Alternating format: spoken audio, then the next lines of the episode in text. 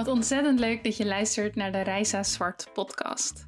Mijn naam is Reisa en ik help creatieve ondernemers creëren en ondernemen vanuit zelfvertrouwen, strategie en vrijheid. In deze podcast deel ik met jou kennis, ervaringen, motivatie en inspiratie rondom zowel strategie als mindset. Ik neem je heel graag mee in mijn eigen groeiprocessen en deel daarin over zowel successen als leermomenten. Dit alles omdat ik geloof dat wij elkaar kunnen helpen. Ik geloof dat wij samen een markt kunnen creëren vol ondernemers die echt weten wat ze doen. Die authentiek zijn, die zichzelf durven neer te zetten als expert, die de juiste prijzen rekenen. Oftewel, die echt impact durven te maken. Ik heb er super veel zin in, dus laten we beginnen.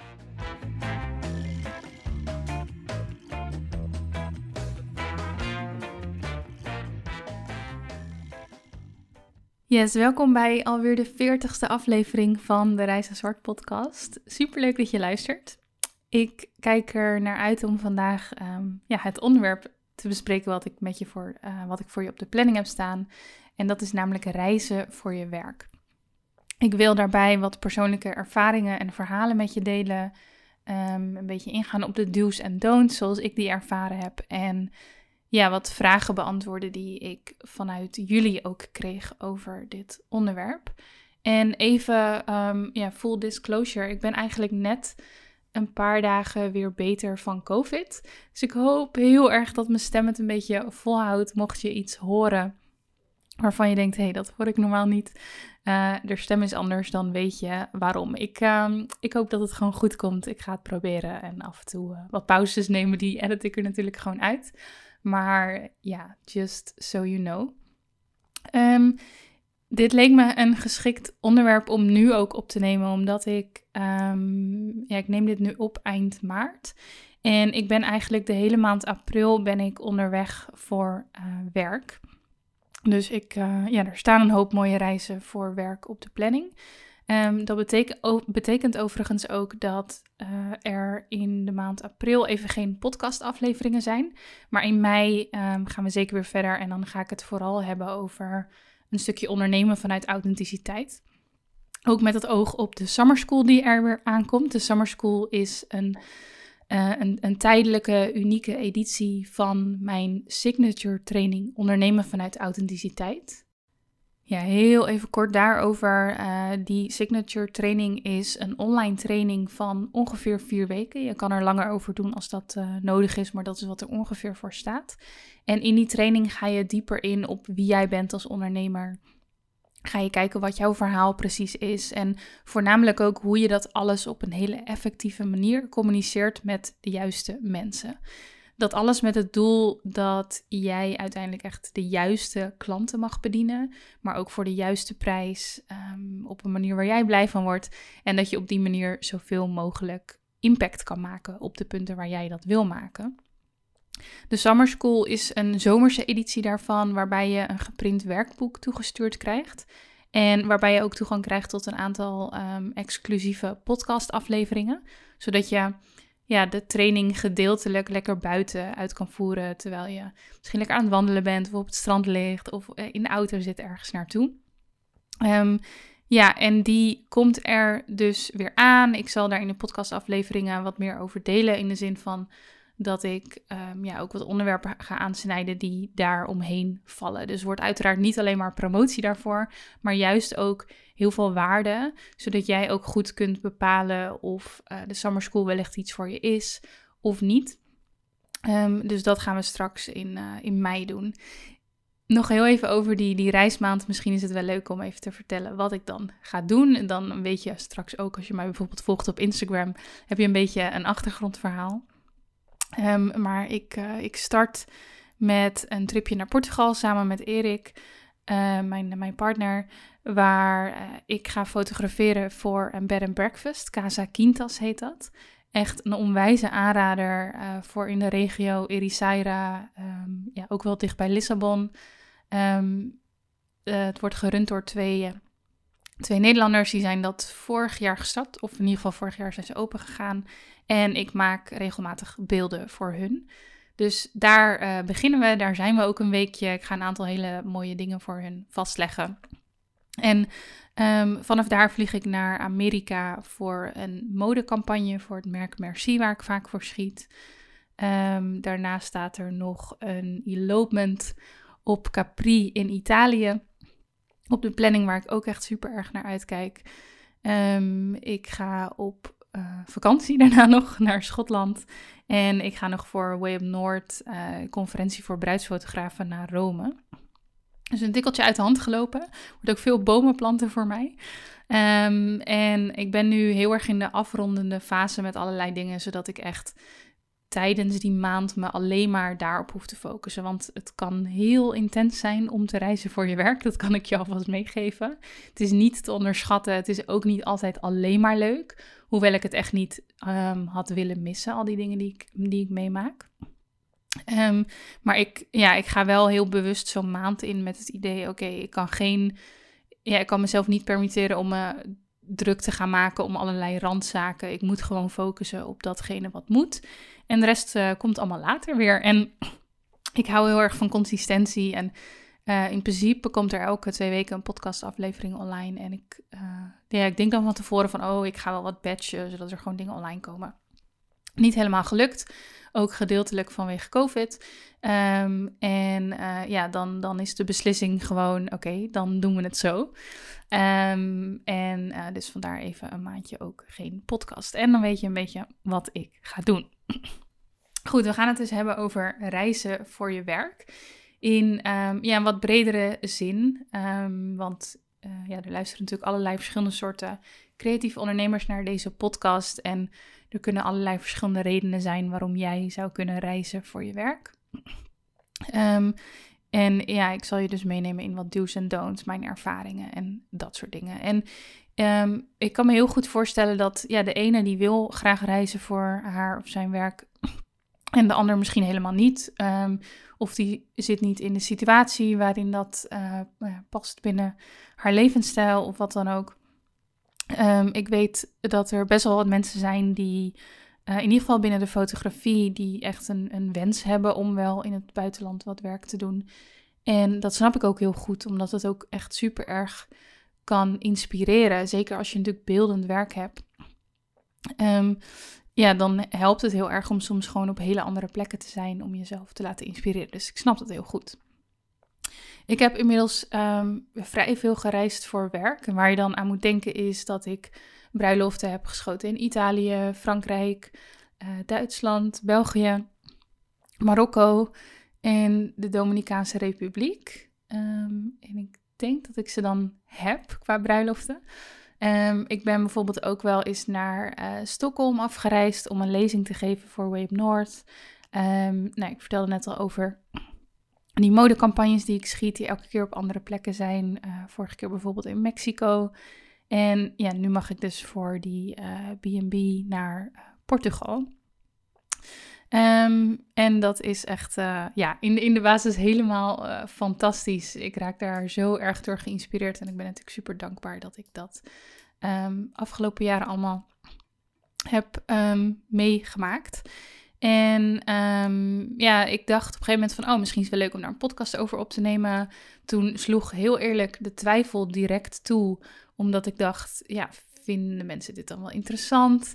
Um, ik ben soms ook bang, ja, als ik het zo opnoem, dat het dan soms te opschepperig overkomt, heel eerlijk gezegd. Um, en ja, ik, ik raakte een soort van gelijk een beetje in de stress van, ja, wat ga ik hier nu over vertellen? Is het echt interessant? Bla bla. Goed, wat ik op zo'n moment doe, en dat is waarom ik je hier ook in meeneem, is dat ik um, probeer zo objectief mogelijk te zijn. En als me dat zelf niet lukt, dus als ik merk van oké, ik wilde dit graag, maar nu twijfel ik heel erg en um, ik krijg allerlei belemmerende gedachten, dan ga ik op zoek naar een oplossing. En in dit geval dacht ik van, ik kan misschien beter die objectiviteit even bij anderen zoeken. En bij wie kan ik dat nu beter doen dan bij de luisteraars? Want die, ja, die moeten het uiteindelijk doen met die aflevering. Of nou ja, je mag hem natuurlijk helemaal gewoon uitzetten als je hier totaal geen interesse in hebt. Maar ik hoop toch wel dat voor een groot deel van de luisteraars, um, ja, dat ook deze aflevering interessant zal zijn. Dus ik heb een aantal van jullie uh, berichtjes eigenlijk gestuurd om te vragen wat jullie hiervan vinden. En daar kreeg ik ook al reacties op. De ene die vond het heel tof. En de ander zei, nou, voor mij een beetje ver van mijn bedshow. Past niet bij mijn levensstijl. Ehm, maar aan de andere kant misschien ook wel weer interessant om een keer te horen hoe dat gaat. Dus ik heb deze podcastaflevering eigenlijk voornamelijk voorbereid op basis van hun vragen en hun reacties. Dat is een beetje een nieuw uh, format. Um, voor mij met name, ik weet niet per se of je dat heel erg zal merken aan de aflevering zelf. Um, maar ik, uh, ja, ik vind het wel leuk. Misschien dat ik dat wel vaker ga doen. En een hele leuke vraag die ik kreeg was: um, wat heb je tijdens je reizen meegemaakt dat je echt heel erg is bijgebleven? Nou, super goede vraag. En ik dacht dat uh, kan ik zeker beantwoorden. En laten we dan beginnen bij de ervaringen die mij zijn bijgebleven in positieve zin. Dat lijkt me een goed begin. Yes, nou een aantal uh, opdrachten, een aantal reizen voor werk die me heel erg zijn bijgebleven zijn bijvoorbeeld uh, de allereerste bruiloft die ik schoot in het buitenland. Dus ja, ook mijn eerste keer reizen voor werk. Dat wilde ik al heel lang. Het leek me gewoon ja, als, als uh, beeldmaker heel tof. Dus om inderdaad een keer op een andere locatie te werken, met ander licht te werken en dat soort dingen. En um, ik heb toen op een gegeven moment een bruiloft geboekt van een Amerikaanse stijl in Toscane. En dat is echt op een uh, best wel gekke manier gegaan. Um, maar als ik iets wil, als ik iets in mijn hoofd heb, dan, ja, dan ga ik soms dan ga ik eigenlijk altijd op zoek naar hoe kan ik dat bereiken. En soms kom ik dan ook best wel een soort van oncom, hoe noem je dat? onconventionele uh, manieren ergens terecht. En in dit geval kwam ik op een TripAdvisor forum terecht. Ik denk dat ik aan het googelen was. Um, en er was een, uh, een, een, vraag van iemand, uh, van Johanna, die ging trouwen in Italië, uh, in Toscane. En zij, um, ja, volgens mij vroegen ze iets, waren ze op zoek naar een bloemiste of iets dergelijks. En toen heb ik um, ja, haar gewoon eigenlijk een beetje brutaal een uh, berichtje gestuurd van, nou, ik ben geen bloemist, maar ben je misschien ook nog op zoek naar een fotograaf? Um, ik ben uh, Reisa, ik, ik doe dit en dit en ik heb altijd al een bruiloft in uh, Toscane willen fotograferen. Hier vind je mijn werk. Nou, een beetje op die manier. En um, nou, toen kreeg ik eigenlijk geen antwoord. En vier of vijf maanden later ineens wel. En toen had ze dus pas toen mijn berichtje gevonden. En um, ja, ze hadden nog geen fotograaf. En um, ja, ze vroeg of ik het kwam doen. Dus dat was een, hele grote verrassing. En natuurlijk ja gezegd, gelukkig kon ik nog. En die kant op gegaan. En het um, was een hele fijne, goede eerste ervaring. Ik was er een paar dagen van tevoren al. Erik en ik hebben er gewoon een, een tripje van gemaakt, eigenlijk een rondreis. Vanaf Venetië naar Verona, naar um, ja, Val d'Elsa was het in Toscane. En vervolgens door naar Florence en vanaf daar naar huis. Um, dus dat was een hele mooie vakantie, hele mooie reis, hele goede herinneringen aan. En die bruiloft was heel tof, hele lieve mensen, heel dankbaar. Um, nou, super mooie golden hour shots kunnen maken. Ik weet nog hoe, hoe trots ik daarop was en hoe blij zij ook waren. Dus dat was echt top. En ja, dat vergeet je natuurlijk niet meer. Een andere um, opdracht die me heel erg bijstaat is uh, de bruiloft van Atva en Samir, die ik in Marokko heb geschoten. Um, als je me een tijdje volgt, dan heb je dit misschien wel eens voor, voorbij zien komen, omdat ik de bruiloft ja, vaak aanhaal als iets wat ik heel erg, als heel erg bijzonder heb ervaren. Ik heb ook heel veel publicaties met deze uh, bruiloft uiteindelijk gehad. En um, ja, gewoon veel foto's erover gedeeld. Het was in ieder geval een, um, ja, een bruiloft van een uh, Nederlands stel. Waarvan uh, Samir, de, de, de bruidegom van Marokkaanse afkomst. En um, ja, zij gingen trouwen in uh, Oerika. Dat is um, een uurtje rijden vanaf Marrakesh en dat ligt in het uh, Atlasgebergte. Het is er echt prachtig. En zij stuurde me toen ook uh, foto's van de locatie door. Kasbabab Oerika heet dat. Het is echt eh, het is een van de mooiste plekken waar ik ooit ben geweest. Het is zo mooi en zo fijn daar. En um, ja, zij, um, ja, zij hadden mij gevolgd. Volgens mij had Atma, Atva mij via Instagram gevonden. Um, die boeking uh, uiteindelijk gedaan. Nou, sowieso toen ik, ik weet nog het moment dat ik die mail kreeg, dat ik echt dacht, nee, dit is niet echt een bruiloft in Marokko. Ik dacht, wow, dat is echt zo bizar. Dat kon ik me gewoon niet voorstellen. Nou ja, uiteindelijk klikte het heel goed en ben ik geboekt. En werden uh, hele goede vrienden van mij, de Dreamers, die werden geboekt als videografen. Dus dat was echt fantastisch. En ik was al eerder in Marokko geweest, dus dat scheelde ook. Ik wist een beetje wat ik kon verwachten.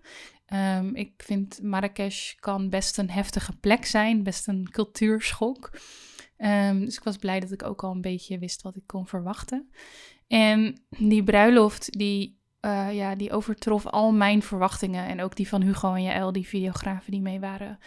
En um, niet alleen maar omdat het gewoon echt er prachtig uitzag. En omdat die locatie belachelijk mooi is. Maar ook omdat ja, zij gewoon als stel echt een kracht uitstralen um, die ik heel bijzonder vind. Um, heel klein stukje achtergrond. En dit, dit, dit staat ook online in de publicaties en dat soort dingen. Dus dit is ook niet per se een geheim. Maar zij komen allebei gewoon van hele andere culturen natuurlijk. En um, dat is iets heel moois. Maar daar zitten ook allerlei hele moeilijke processen. Um, waarin um, ja, met familiekwesties en ja, heel veel verdriet ook. En dat alles was tijdens die dag zo erg te voelen. En um, ja, was gewoon echt ontzettend bijzonder. Dus die blijft me altijd bij, absoluut. Mijn eerste campagne shoot voor Merci, het merk waar ik nu al jaren mee werk, staat me ook heel erg bij. Um, ik, uh, ik ben toen voor hun naar Parijs gegaan. ik, ik zat toen een beetje in een periode waarin ik mezelf een beetje voorbij was gegaan, wat grenzen over was gegaan en echt even um, goed op mezelf moest passen. Dus het was niet de beste timing. En toch ja, vond ik dat ontzettend bijzonder uh, dat ik mocht werken met een Amerikaans merk en dat het ook weer zo goed klikte. En um, ja, nog steeds heel erg trots op die shoot en op die samenwerking. Dus vandaar dat uh, die ook een speciaal plekje in mijn hart heeft. En ja, toen ik naar de Dominicaanse Republiek mocht voor een bruiloft, dat was ook weer zo'n moment dat je denkt. Uh, how did life get this good? Ik, ik was daar en ik dacht, dit is toch wel echt bizar dat je helemaal aan de andere kant van de wereld een bruiloft mag vastleggen. En um, een hele grote reden waarom ik uh, bruiloften heel bijzonder vond om te fotograferen en vind om te fotograferen. Um, ik fotografeer heel veel internationale gezelschappen bij, bij bruiloften. En ik vind gewoon die, ja, dat in aanraking komen met meerdere culturen ontzettend bijzonder. Je komt op plekken en op momenten terecht waar je normaal nooit zou komen of niet zo snel. En dat was bij deze ook absoluut. Um, en Laura heet het bruidspaar en um, het is een Spaans-Dominicaans uh, stel. Um, dus alles was die dag in het, uh, in het Spaans. Nou kan ik dat gelukkig goed volgen en kan ik het ook wel redelijk spreken. Dus dat was niet zo'n probleem. Maar ja, tropische omgeving. En wat ik eigenlijk het bijzonders vond, was dus die cultuur. Ik vond het ontzettend chaotisch en druk. Um, bijna alles draaide om het feest en om het dansen. Uh, het was heel erg ja, levelijk, zeg maar, uh, levendig. En um, het tempo lag heel hoog. Helemaal niet iets wat ik elke maand of elke week zou kunnen doen, want zou ik helemaal kapot zijn. Heel extravert allemaal. Um, maar ja, fantastisch om te mogen vastleggen en om, in, om voor een paar dagen in zo'n gezelschap te worden opgenomen en daar te mogen zijn. Dus dat uh, ja, blijft me ook altijd bij. Goed, in negatieve zin zijn er natuurlijk ook wel dingen die me bij zullen blijven. En één um, ja, specifiek verhaal daarin is dat ik een keer um, door een wedding planner werd gevraagd om. Uh, en ik kende die wedding planner eigenlijk niet. Ik denk alleen maar van online, zeg maar, van Instagram. En zij um, vroeg aan mij of ik een. Uh, een bruiloft in Zuid-Italië wilde fotograferen. En ik was op dat moment, had ik nog niet super veel in het buitenland geschoten. En ja, ik, dat stond nog steeds heel erg hoog op mijn, op mijn wensenlijst, zeg maar. En uh, nou, het verhaal was, er was een klein budget, of ik het dan voor niet zoveel kon doen, maar we gingen wel mooie publicaties daarmee regelen en wat dan ook. En um, ik heb daar ja op gezegd en ik heb daar achteraf vrij veel spijt van gehad. Um, ik, uh, ergens hoop ik dat ze de podcast niet luistert. maar goed, als ze dat wel doet, dan, dan is dat natuurlijk ook maar zo. Um, maar dat was, um, ja, geen fijne ervaring. En dat is eigenlijk, spoiler alert, ook mijn ervaring dat heel vaak dingen die je voor ervaring doet of voor een lager bedrag dan wat je eigenlijk zou moeten verdienen, dat dat nou, soms goed afloopt, maar heel vaak ook niet. En dat was dit keer ook. En ehm, ja, als je dan helemaal naar het buitenland gaat voor een bruiloft en die blijkt niet zo te zijn als dat beloofd is, ehm, dan uh, ja, kan dat wel extra hard aankomen. Dan kun je ook wel wat eenzaam voelen.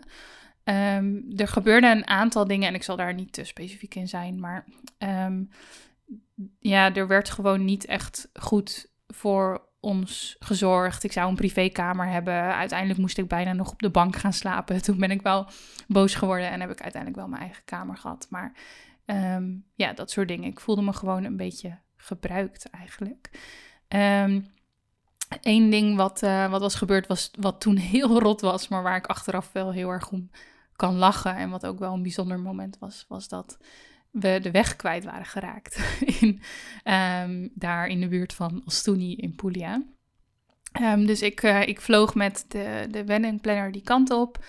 Um, wij kwamen aan bij uh, de plek waar wij dan verbleven. Dat was vlak in de buurt van de, de trouwlocatie, maar niet op dezelfde locatie.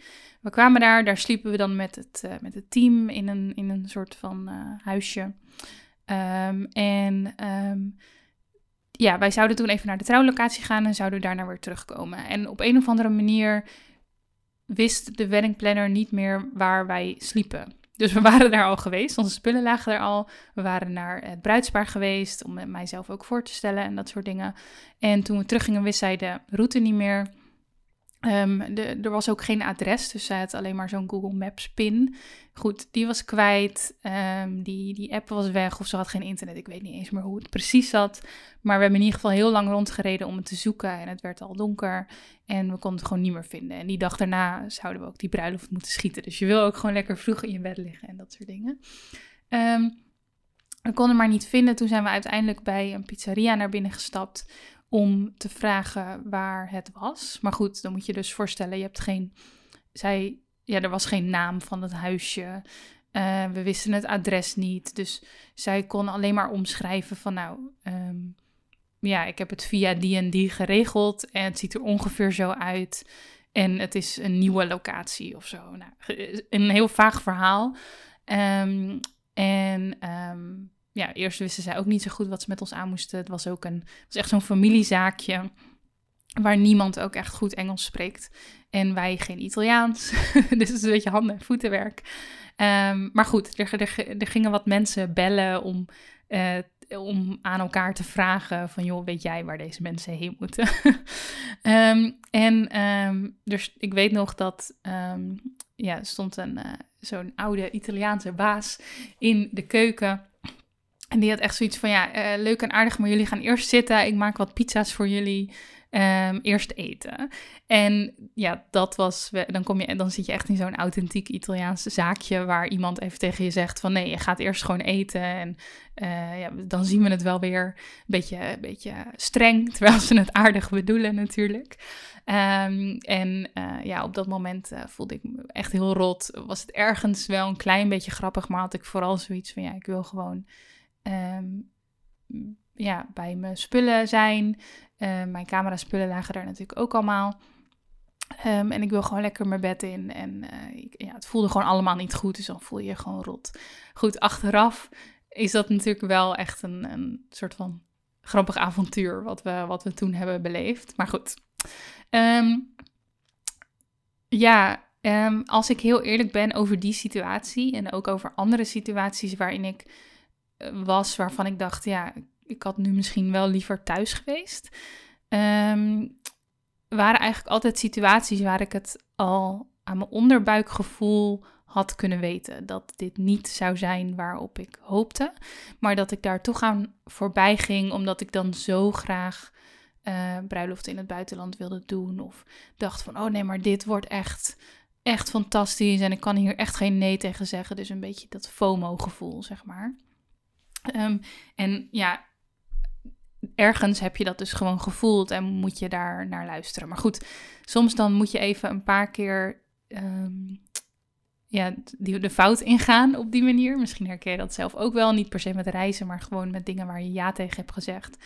Waar je van tevoren al dacht van, nou, ik weet het niet. Toch hebt gedaan en dan bleek, blijkt eigenlijk altijd dat je gewoon nee had moeten zeggen. Dit was ook zo'n moment en dat is wel vaker gebeurd met, met reizen. Met, en zeker met mensen die dus om korting vragen en dat soort dingen. Dus...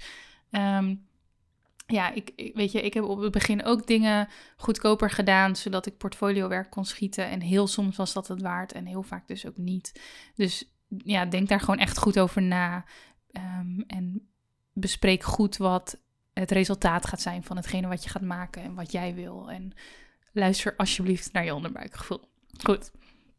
Ehm, iets wat me. Ehm, het gevoel wat er eigenlijk ontstaat wanneer je dus uh, teleurgesteld wordt in wat je hoopte en op reis bent, is dat je je best wel eenzaam voelt. En dit heb ik best wel um, een aantal keer ervaren. En ook andere mensen die ik spreek, die reizen voor de fotografie in dit geval, geven dat ook wel aan. Van als je ergens komt en het blijkt dus niet zoals je dacht, of er is uiteindelijk toch niet een goede klik met een bruidspaar, of ja, er zijn gewoon heel veel redenen waarom het natuurlijk anders kan lopen dan dat je had gedacht in negatieve zin. En dan, ja, dan is het soms wel moeilijk om jezelf een beetje te herpakken en om jezelf niet heel zielig te vinden, maar gewoon te denken, ik ga hier uiteindelijk alles van maken. Want um, ja, soms voel je dan wel gewoon een beetje eenzaam. En dat was gelijk een van de andere vragen die ik kreeg, was, voel je wel eens eenzaam als je alleen reist voor werk? Ehm, en ja, even de uitleg daarbij. Uh, ik, heb ook, ik heb heel veel alleen gereisd voor werk. Ik heb ook wel uh, privé alleen gereisd. Um, en ik vind uh, alleen reizen eigenlijk heel fijn van tijd tot tijd. Um, en privé reizen heb ik me eigenlijk nooit echt heel erg eenzaam gevoeld. Ik, heb, ik moet ook zeggen, ik heb niet maandenlang alleen gereisd of zo. Meestal ging ik wel.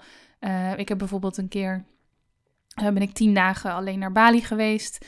Um, maar ik ben verder eigenlijk um, privé um, vaak toch wel met een vriendin geweest. Of mijn vriend. Of met een groep. Of dat ik wel alleen op reis ging, maar dat ik wel iemand ging opzoeken, bijvoorbeeld. dus nooit hele lange reizen die ik alleen heb gedaan. En ik kan me voorstellen dat je dan ja, ook wel eenzame momenten tegenkomt. Um, en niet dat dat altijd erg hoeft te zijn hoor. Ik denk dat je er echt superveel van leert. Um, mijn ervaring is dat zakelijk dat ik me wel iets sneller alleen voel. Um, nogmaals, als dingen dus tegenvallen, maar ook wel eens als ik bijvoorbeeld op locatie verblijf bij alle gasten, bij een bruiloft, dan ben je eigenlijk met heel veel mensen.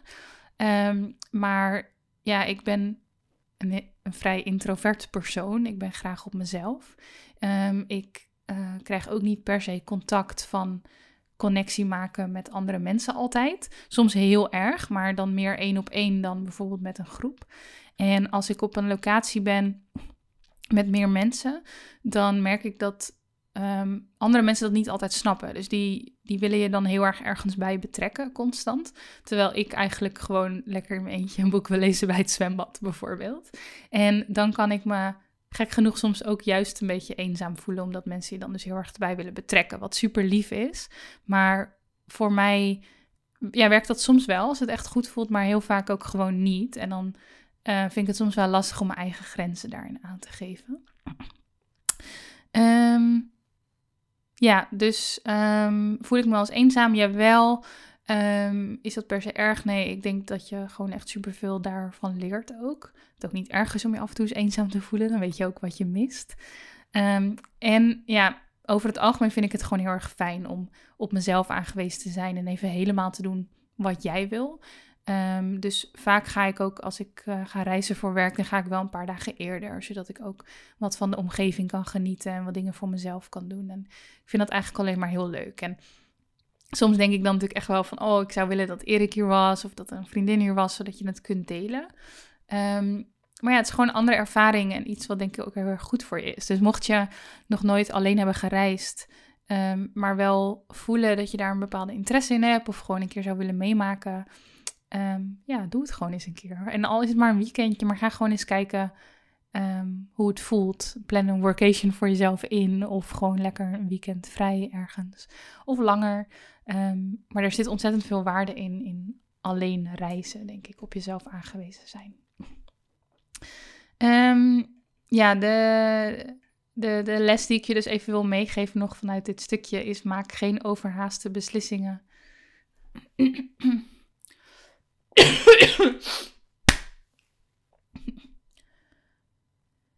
ja, een soort algemene les eigenlijk bijna die je kunt trekken uit dit alles. En die uh, te maken heeft met het reizen, maar eigenlijk op jouw hele onderneming en je leven. Is maak keuzes die bij jouw persoonlijkheid passen. Um, en hoe vaker je iets doet, en in dit geval hoe vaker je ook reist voor werk, des te meer je er ook achter komt wat wel fijn is, wat niet fijn is.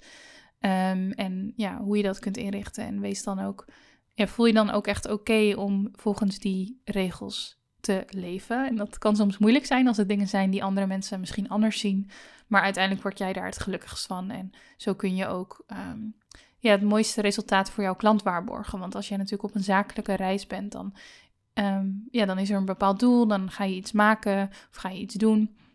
En het allerbelangrijkste is natuurlijk dat je daar uiteindelijk levert en dat jij daarvan geniet. Dus bedenk goed wat daarvoor nodig is. Um, ja, laat je daar niet um, van afleiden, zou ik zeggen. Oké, een andere vraag die ik kreeg is: hoe kom je aan klanten in het buitenland? Um, en ja, heel eerlijk, ik denk niet dat elk bedrijf en elke onderneming geschikt is om per se uh, klanten in het buitenland te hebben. Um, maar ja, dat zou je natuurlijk gewoon kunnen aankijken in jouw eigen business. Van hoe wil je dat doen? Um, als je op een of andere manier reizen en werk wil combineren, dan zijn er natuurlijk meerdere wegen en meerdere manieren om dat te doen. Dus je kunt werken met klanten in het buitenland, maar je zou ook meer de digital nomad kant kunnen opgaan, waarbij je misschien ook wel werkt gewoon voor Nederlandse klanten, maar dan op afstand. Um, ik denk dat het goed is om te beginnen uh, bij, uh, nou sowieso, wat wil jij zelf? Hè? Wil je wel reizen voor je werk? Uh, wat lijkt je dan tof? Hoe zou je het willen combineren? En vervolgens kun je gaan kijken naar jouw uh, doelgroep. Um, dus kijk of jij uh, binnen jouw business, binnen jouw talenten, of je werk kunt doen voor nou ja, dus Nederlandse bedrijven en personen, als die bijvoorbeeld al binnen jouw doelgroep vallen. Um, of is het je wens en, um, of, of, of moet het misschien, uh, om te kunnen werken in het buitenland, dat je je wat internationaler neer gaat zetten. En dat heeft natuurlijk allemaal invloed op ja, bijvoorbeeld de taal van je website en je social media en je overige marketing. Dus um, als je het hebt over hoe kom je aan klanten in het buitenland, um, of hoe kom je eigenlijk aan klanten zodat je kunt werken in het buitenland, dan zijn er nog heel veel opties. Dus ga eerst eens kijken wat zijn eigenlijk voor mij de opties. Um, en dan kun je natuurlijk kijken naar wat doen anderen, maar ook welke creatieve opties zijn er nog die misschien niemand nog benut heeft of die minder benut worden waar ik me op kan storten. En bepaal dan dus of die mensen in jouw huidige doelgroep zitten of dat je daar een bepaalde verschuiving in moet aanbrengen voor je doelgroep en hoe je dat dan gaat doen. Daar zit natuurlijk een heel strategisch stuk achter. Um, dat is een manier. Dan kun je op die doelgroep kun je gaan, uh, gaan focussen en um, ja, ook gewoon laten weten dat je uh, daar interesse in hebt. Um, een tweede ding wat je kunt doen, eventueel in combinatie met de eerste, maar ook op zichzelf staand, is dat je acquisitie gaat doen. Um, en daarmee bedoel ik dat je echt actief op zoek gaat naar klanten en dat je met een heel duidelijk en interessant voorstel komt voor een klant, bijvoorbeeld in het buitenland. Um, en ik deed um, in het verleden bijvoorbeeld wel eens samenwerkingen met hotels op die manier. Dus dan wilde ik ergens graag verblijven en dan stuurde ik hun een voorstel om wat beelden voor hen te maken. En dan bijvoorbeeld in ruil daarvoor de overnachting te krijgen of een flinke korting of wat dan ook. Um, maar ik heb bijvoorbeeld ook wel eens in het buitenland gewoon bedrijven aangeschreven, in Costa Rica bijvoorbeeld, om te checken of uh, zij met mij zouden willen werken. Ik heb zelfs een keer een Instagram story ad gedraaid in Costa Rica en daar ook een shoot mee geboekt. Dat vond ik echt heel tof. Um, dus er zijn ook echt wel manieren om actiever op zoek te gaan naar klanten en um, ja, dat op die manier te doen. En um, ja, nogmaals, dat kun je dus combineren met een stukje organische marketing binnen jouw eigen doelgroep. Uh, maar mocht de doelgroep die je wil aanspreken helemaal losstaan daarvan, is acquisitie wellicht een fijnere manier om uh, in ieder geval te beginnen. En stel nou dat je erachter komt van, nou, er zijn heel veel hotels die met mij willen samenwerken, dan kun je altijd nog zeggen, ik ga een uh, stukje op mijn website daar aan dedicaten of ik ga daar een brochure voor maken of wat dan ook. Houd het eerst simpel, ga eerst eens kijken wat er mogelijk is en zet daarna pas volgende stappen, want je moet er ook achter komen of je het wel leuk vindt of niet. Um, en een derde die erg belangrijk is, is dat als jij um, reizen wil combineren met werk en je hebt daar jouw huidige doelgroep voor nodig, is um, dat je ook laat zien dat je reist voor werk of in ieder geval dat je daarvoor open staat. Dus dan kun je dat benoemen op je website, meenemen in je Instagram communicatie, ja, dat soort dingen. Wat ik hierbij uh, belangrijk vind om te vermelden is dat ja, ik zou je wel willen aanraden, en dat doe ik zelf ook, om wel um, de morele overwegingen ook in, hierin mee te nemen. Um, en dan niet, ja, niet alleen maar de ecologische voetdruk die je natuurlijk achterlaat door te reizen voor je werk. En daar ben ik me ook heel erg bewust van. Um, maar ook de effecten die het kan hebben op mensen. Kijk, stel dat jij naar uh, een plek gaat in de wereld Um, en jij biedt jouw diensten aan en je neemt daarbij actief werk weg bij mensen die daar wonen, die het misschien veel harder nodig hebben, dan, ja, dan is dat natuurlijk wel kwalijk. Um, en ik weet niet of je dit helemaal kunt voorkomen. Um, maar zelf kijk ik daar wel naar. Bijvoorbeeld toen ik ging adverteren in Costa Rica, vond ik het wel belangrijk om eerst te kijken van oké, zijn er mensen die hetzelfde aanbieden als dat ik aanbied in deze regio. Dus ik adverteerde uh, voor portretshoots in een bepaalde locatie. Um, waarmee ik uiteindelijk een, uh, een gezinsshoot heb geboekt op het strand, die heel erg tof was. En ik heb van tevoren wel gekeken van, ja, zijn er al uh, portretfotografen hier op deze specifieke plek of ergens in de nabije regio die anders wellicht die shoot zouden boeken. Die waren er niet, dus heb ik geadverteerd. Maar ik zou daar anders um, ja, misschien wel moeite mee hebben. Tenzij uh, ik zie dat die fotografen het heel druk hebben of vol zitten of wat dan ook. Maar anders dan um, ja, heb ik eigenlijk liever dat zij die shoot boeken. Dus dat is wellicht nog iets om over na te denken als je echt aan de slag gaat met acquisitie. Um, ja, hoe je daar naar kijkt en hoe je daarmee wil omgaan. Goed, een andere vraag die ik kreeg is: wat betaal jij en wat betaalt de klant? Dus um, het gaat dan over betaalt de klant voor mijn reis of niet? Of ja, hoe doe ik dat? En uh, ja, op het moment dat iemand mij boekt en wil dat ik naar hun toe kom, dus uh, bij uh, bruidsfotografie of een shoot in het buitenland, um, dan bereken ik ja, gewoon mijn uren. Dus net zoals, die, net zoals ik die in Nederland zou berekenen. Um, en daarbij betaalt de klant mijn vlucht, accommodatie, huurauto, benzine, tol als die er is. En eventueel andere um, uitgaven en expenses die ik, die ik zeg maar heb om de opdracht tot een goed einde te brengen of om daar te komen. Um, het eten betaal ik wel vaak zelf. En heel vaak zijn er ook wel dingen geregeld door bij bruiloften of bij campagneshoots en dat soort dingen. Um, maar ja, ik denk dan, ja, thuis moet ik ook eten. dus prima als ik ook wat maaltijden, in het buitenland gewoon zelf uh, betaal. Um, ik reken geen vergoeding voor de reistijd. En daar krijg ik wel eens vragen over van andere fotografen. Um, en dat, dat snap ik. En ik zou het ook helemaal niet gek vinden als je het wel doet. Want um, kijk, als ik een opdracht in Nederland fotografeer, dan heb ik daar natuurlijk veel minder reistijd voor dan wanneer ik naar Italië moet voor diezelfde opdracht. Dus het zou in principe helemaal niet gek zijn om niet alleen je reiskosten, maar ook je reistijd door te uh, berekenen.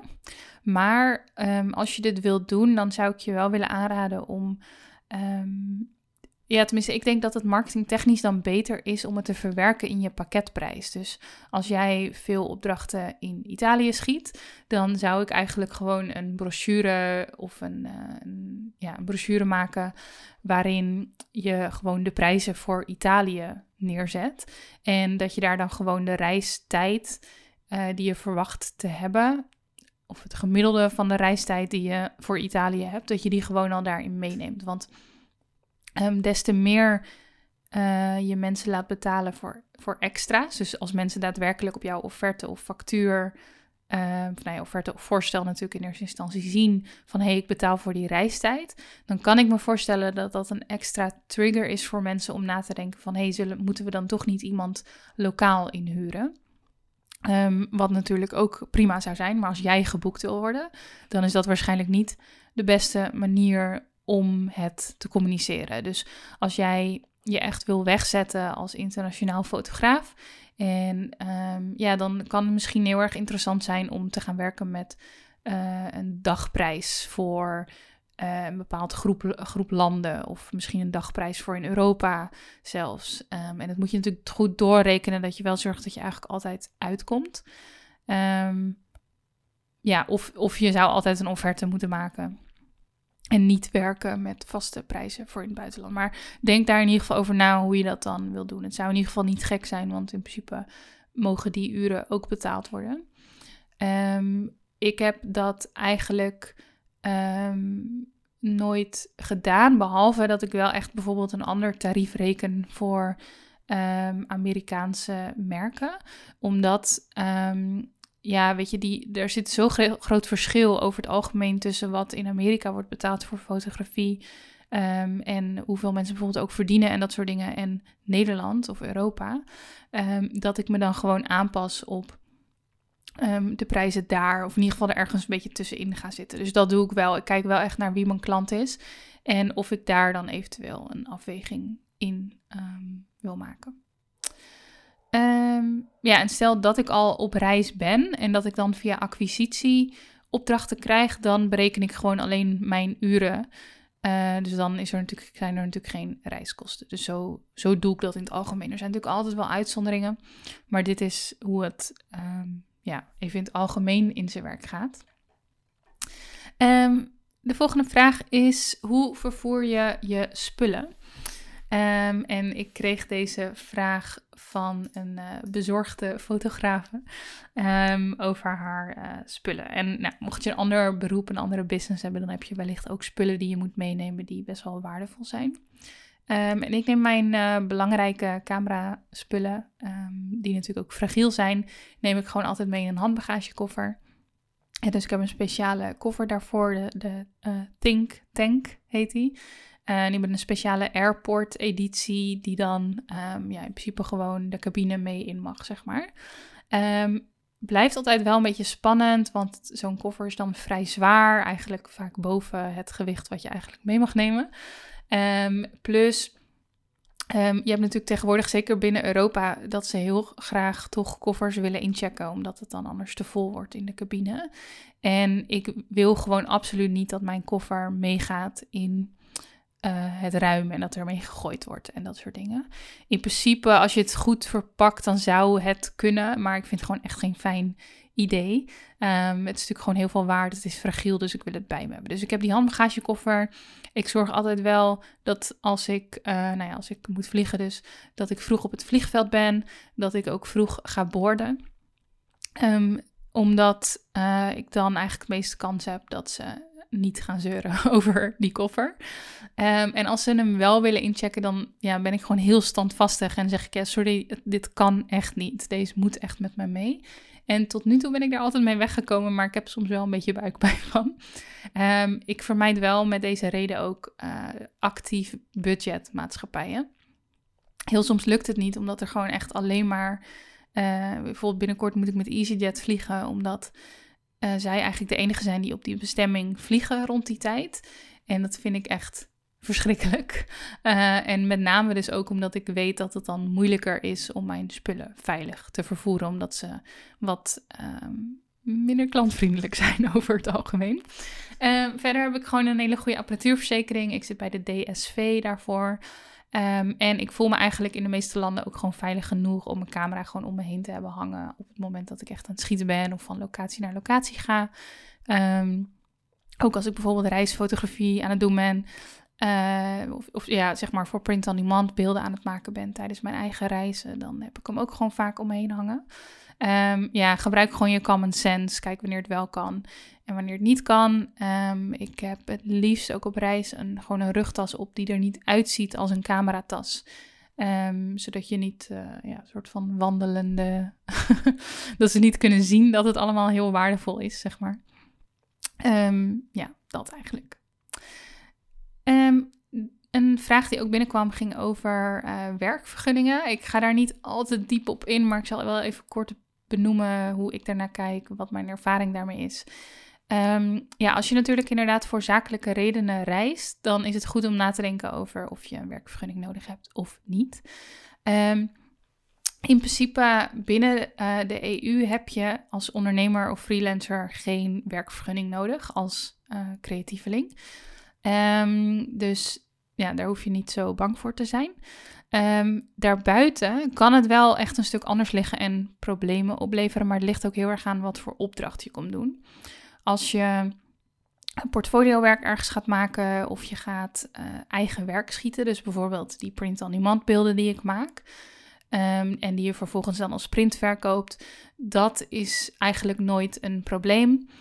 Um, en nou moet je mensen ook niet wijzer maken dan dat ze zijn. Dus dan kun je ook gewoon zeggen van ik maak deze beelden voor eigen gebruik. En, maar goed, ook als je dat officieel uitzoekt, dan moet je die beelden gewoon mogen maken. Ook in Amerika, ook in Australië, ook in Canada, uh, ook in Afrika bijvoorbeeld, waar ze gewoon moeilijker, um, ja, wat moeilijker kunnen zijn met uh, werk doen uh, in hun land, zeg maar. Dat moet gewoon kunnen. Op het moment dat je bijvoorbeeld een freelance opdracht wil doen Um, of een wat langere opdracht voor uh, echt een bedrijf in het land zelf waar je zeg maar heen reist. Dus ga je naar Amerika om voor een Amerikaanse opdrachtgever te werken, dan moet je officieel wel een werkvergunning aanvragen. Zo'n zo'n vergunning um, uh, kan best wel moeilijk zijn en duurt ook maanden. Dus zeker als je een grote opdracht hebt in het buitenland, ja, begin op tijd en kijk of je dat gewoon netjes kunt regelen. Um, maar nogmaals, binnen de EU is dat niet nodig. Um, en ik weet bijvoorbeeld dat als je in Marokko fotografeert, dat het bijvoorbeeld belangrijk kan zijn om, um, een, ja, zeker als het dus een commerciële shoot is voor merk, om een permit te hebben voor de locatie waar je schiet. En meestal ja, is het handig om dan een tussenpersoon in te schakelen die je daarmee kan helpen. Um, ja, en als je zeg maar werkt als digital nomad, uh, als je remote werkt, dus uh, ja, je gaat gewoon ergens heen op reis en je neemt je laptop mee om je werk te kunnen doen, maar je verkoopt in principe aan um, landen of uh, aan, aan mensen of bedrijven in Nederland, dan um, ja, maakt het landen eigenlijk over het algemeen ook niet heel erg veel uit dat je dat komt doen. Heb je eigenlijk gewoon, ja, kun je gewoon op een toeristenvisum. Um, plus er zijn steeds meer landen die een apart visum introduceren voor digital nomads, zodat je langer mag blijven. Dus normaal met een toeristenvisum mag je vaak maximaal drie maanden. En um, nou, ik weet bijvoorbeeld dat Costa Rica nu, ik weet niet of ze hem al hebben of dat die nog komt.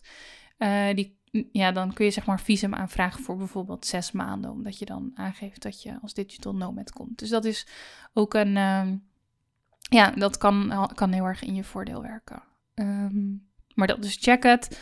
Um, ja, en ik denk dat het gewoon, als het op een toeristen, toeristenvisum kan, dan moet je dat gewoon doen, want dat is altijd gewoon de makkelijkste optie.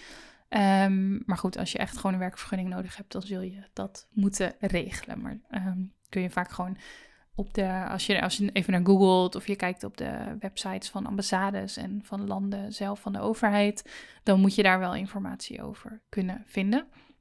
Ik heb eigenlijk tot nu toe nog nooit een zakelijk visum hoeven aanvragen. Um, ook omdat ik, ik werk bijvoorbeeld wel vaak voor een Amerikaanse opdrachtgever, maar dan spreken we bijvoorbeeld af in Spanje of in Mexico. En dan, um, dan loop je daar niet snel tegenaan, omdat je dan allebei op ander grondgebied bent, zeg maar. Um, ja, dat is hoe ver mijn kennis daarin gaat. Daar is nog veel meer over te zeggen, maar uh, ja, dat zou je dus even moeten uitzoeken.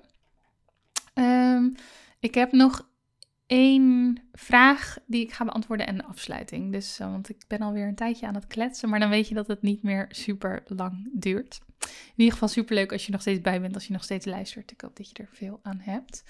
Um, ja, de laatste vraag was: hoe combineer je vakantie en werk? En ik kan me voorstellen dat dat een vraag is die velen hebben. Um, ik. Um, ik ga regelmatig voor langere tijd sowieso op reis. Dus dat is meer zeg maar de beetje digital nomad-achtige kant.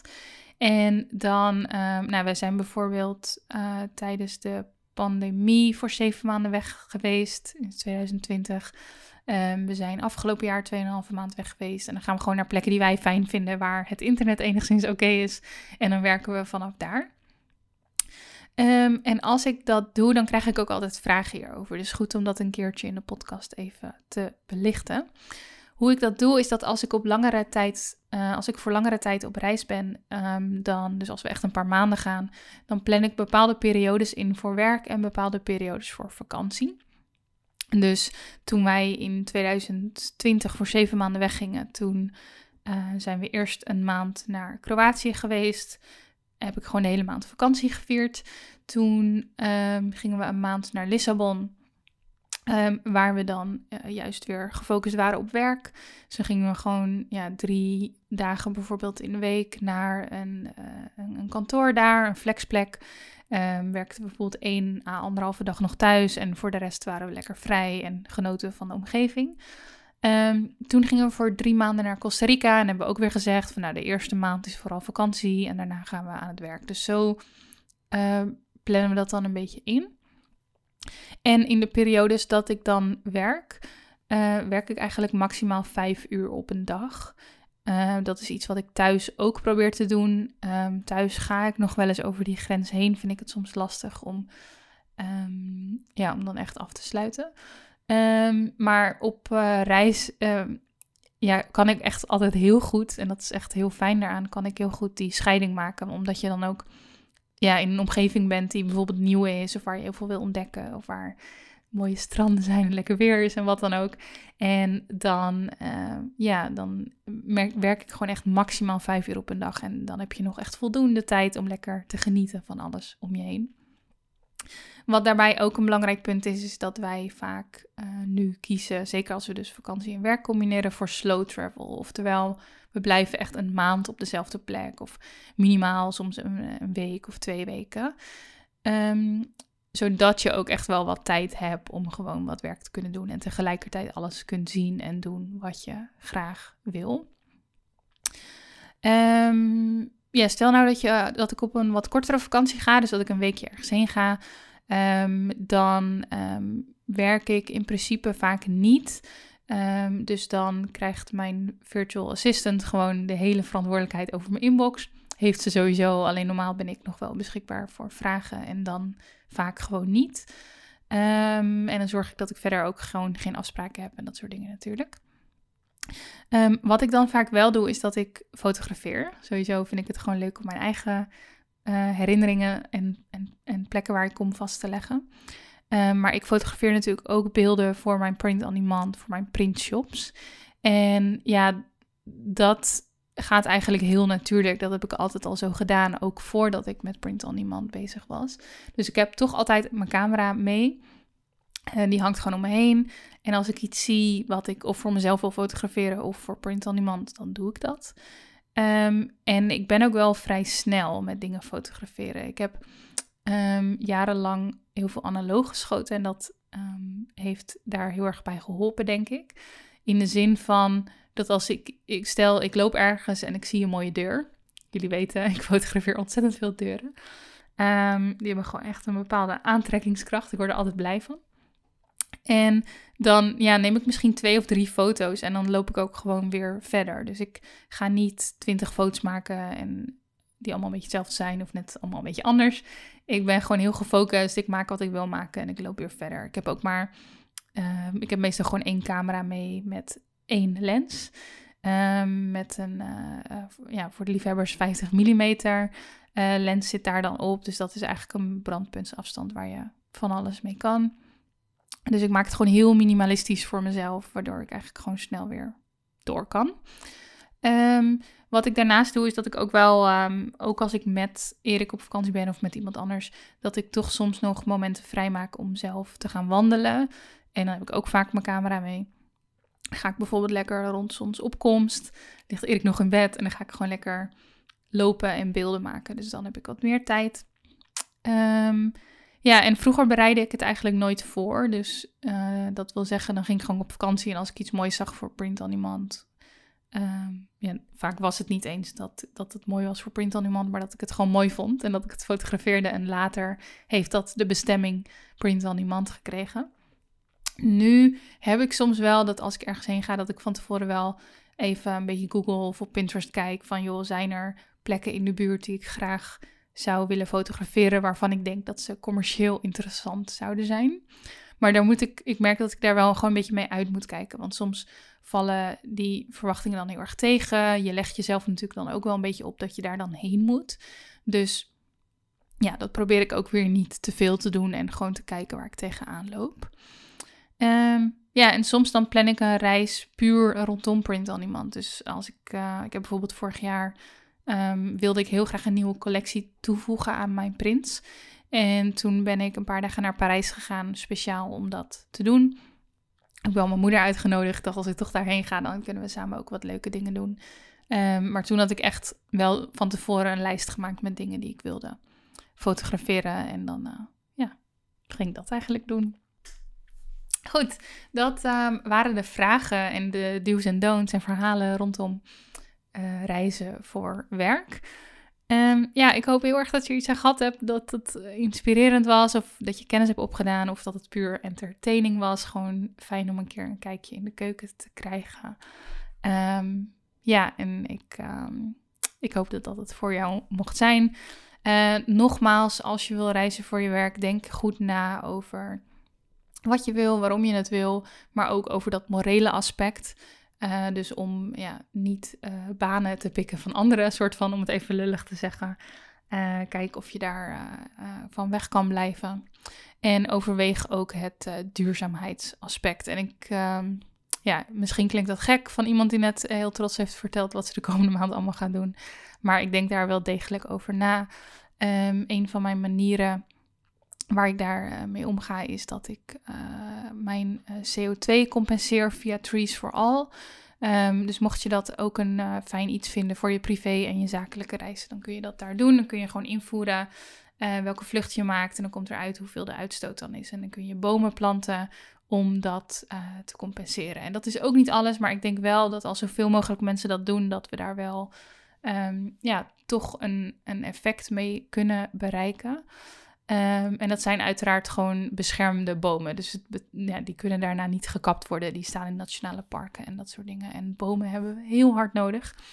Um, ja, dus check dat. Trees for All heet de organisatie. Um, ja, voordat ik hem afsluit, heel snel nog een laatste nieuwe toevoeging. Uh, even iets heel praktisch.